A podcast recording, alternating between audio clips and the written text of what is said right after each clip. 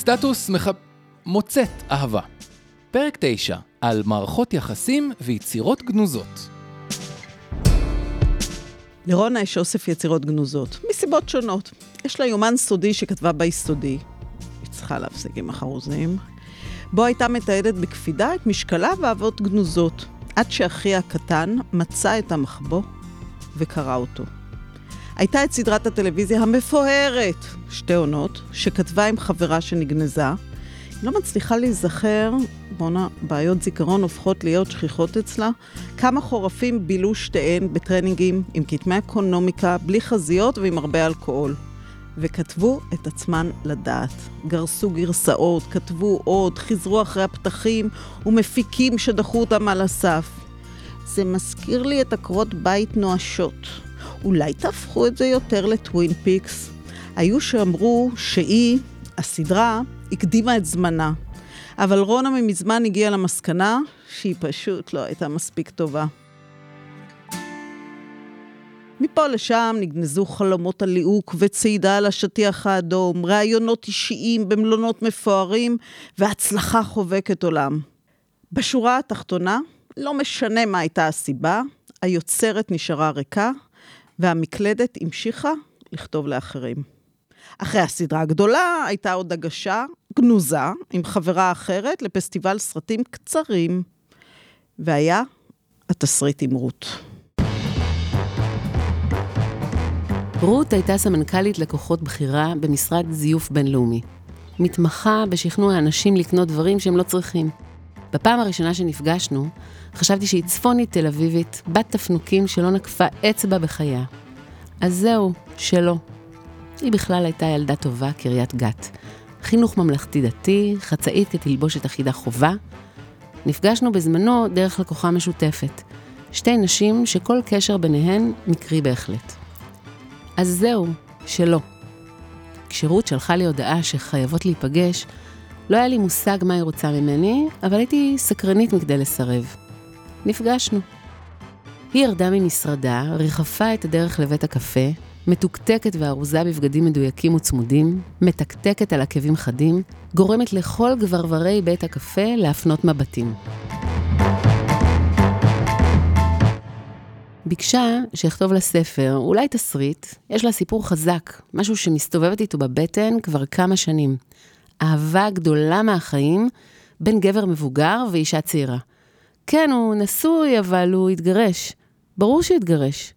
אז זהו, שלא. אמרתי לה שאין מצב שאני כותבת את הסיפור הזה. בראש שלי נדלקות אלפי נורות אזהרה, אני יודעת לזהות משולש. את הסיפור הזה אני מכירה. בצחוק רציני, אני אומרת לה שאכתוב איתה רק אם תשנה את הסוף והגיבורה תיפרד מהאשמי הזקן ותצא לדרכה המנצחת. בינתיים אנחנו נפרדות לשלום. אחרי מספר ימים היא התקשרה וביקשה רק עוד פגישה, שאשמע את הסיפור. תשמעי, אני לא כותבת לאחרים, בטח לא על דמות שחיה בסרט משלה. אז היא אמרה, אני אשלם לך כמה שאת רוצה, רק עוד פעם אחת, בבקשה, תקשיבי ותחליטי. עקשנית זאתי. נפגשנו. לא הותירה לי ברירה. ערב אחד, בית קפה שכונתי, בקבוק יין, סלט ערבי קצוץ דק עם טחינה בצד. היא נוברת בסלט ואני אוכלת. היא מדברת ואני מקשיבה.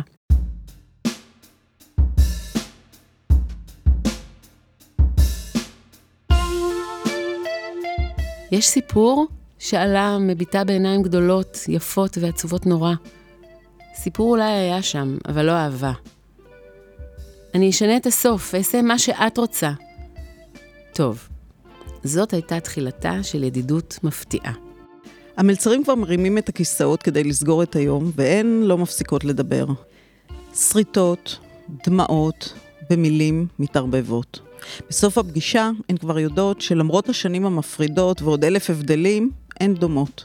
שתי ילדות קטנות, שקופות, פגועות, מחפשות אהבה. בכל מקרה, רות הבטיחה ורונה מסכימה. בחלוקת התפקידים, רונה על תקן הבוגרת החכמה, לכאורה. הפגישות השבועיות הפכו להיות טקס הפרטי שלהם, עם בקבוק יין וסלט ערבי קצוץ, טחינה בצד. רות נוברת ומדברת, ורונה שואלת ואוכלת. שוב רונה כותבת סיפור של אחרת, שיהפוך להיות גם הסיפור שלה.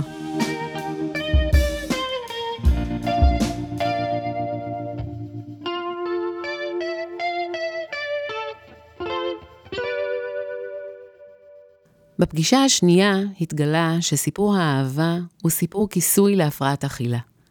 באותה פגישה הבנתי את הבדיחה והיא הייתה לגמרי על חשבוני. מראה מראה שעל הקיר, מי המופרעת הכי מסובבת בעיר? היא מקיאה רגשות ואני אוכלת אותם. זה נראה הפוך, אבל זה אותו הדבר, בעצם. אבל אני שיחקתי אותה המבוגרת אחראית, שרוצה להחזיר אותה למוטב. לא משנה מה אמרתי לה, שככה לא מתנהגים עם אוהבים, שהוא לא יכול גם אם הוא אומר שהוא רוצה, ואם הוא רוצה, אז למה הוא לא עושה? הוא מחכה לבר מצווה של הנכד? לחתונה של הנכדה? הוא שקרן, את לא מבינה? אפילו אמרתי לה שתדמיין אותו כנכה קטוע רגליים על כיסא גלגלים. תגידי לנכה לעמוד, יעמוד? לא. ביקשתי שתפסיק לספר סיפורים לעצמה, שתסכים להגיד שהיא חולה, שתטפל בעצמה. כמה כואב את צריכה כדי להרגיש? ואז החיים הסתבכו, והתסריט גם. ואנחנו נפרדנו כל אחת לדרכה.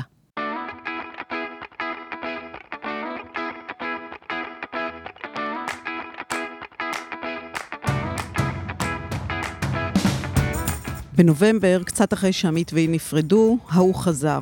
זה שתמיד חוזר, כמו עונות השנה. נפגשים, מתעדכנים, מפלרטטים, מתקוטטים, מזדיינים, עד הפעם הבאה שהוא יתקשר והיא תהיה משועממת. או ההפך. הוא נשוי וזה לא משנה. יום שני הילדים אצל אבא שלהם, והיא מרגישה שהיא כבר הפכה להיות חלק בלתי נפרד מהכיסא. היום הייתה יעילה בצורה מעוררת הערצה. הערצתה בכל אופן. השעה ארבע, והנייד על השולחן מצלצל בנחרצות.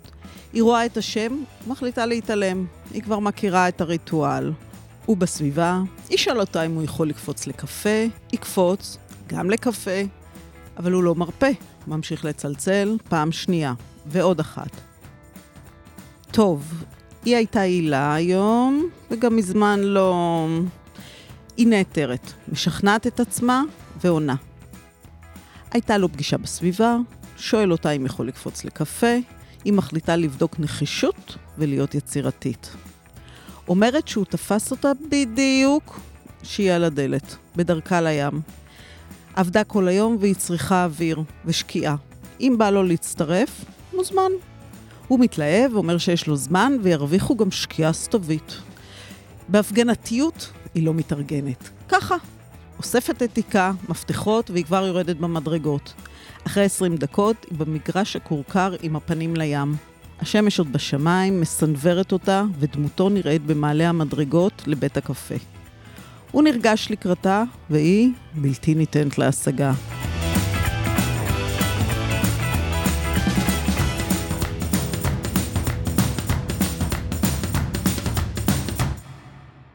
מתיישבים על מושב נמוך, מרופד בכרית מלוכה ולחה, מלצרית זמנית לוקחת מהם הזמנה.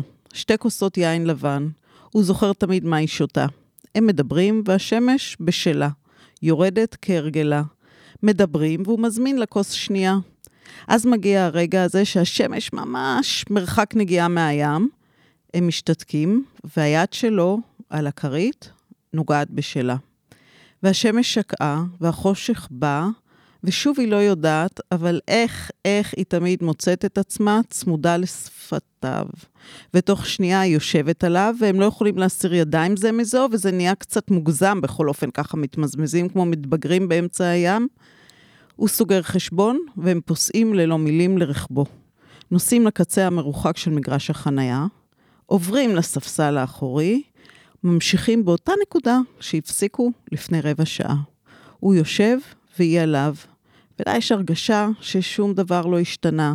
והיין, והשקיעה, וזה שממזמן לא עושים את שלהם. ואז נגמר.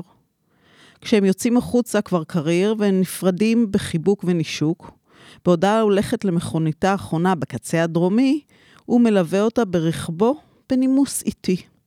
השעון מאיר רבע לשמונה, כשהיא מתניעה, משחררת אותו לדרכו בהינף ידה.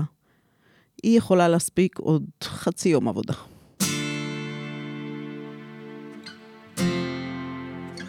דרכינו הצטלבו שוב כשרות טלפנה ואמרה שהיא בריאה. היא אשפזה את עצמה במחלקה סגורה, אחרי שהבינה שהיא הולכת למות. ניתקה קשרים והתחברה לעצמה. כדי לחגוג את המאורע, נסענו למדבר. הפעם התהפכו התפקידים. אני ממשיכה למחזר את ההוא שחזר, ורות? רות מבוגרת אחראית. את בעצמך אמרת שהם אף פעם לא עוזבים, הרי את בעצמך אמרת לי שהם אף פעם לא עוזבים.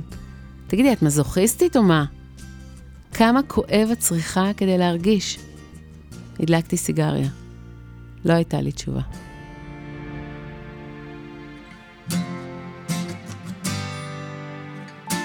את ילדתי כבר, שנים חיה ליד. עצמך, היצר והיצירה. קחי אחריות ותתחילי לכתוב.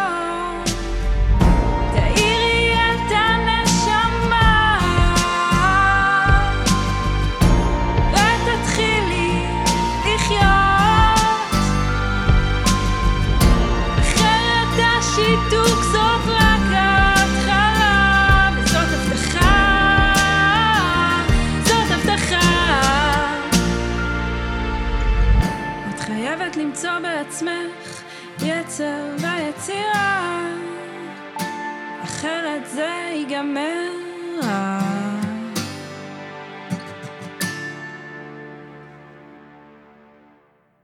בפרקים הבאים של סטטוס מוצאת אהבה.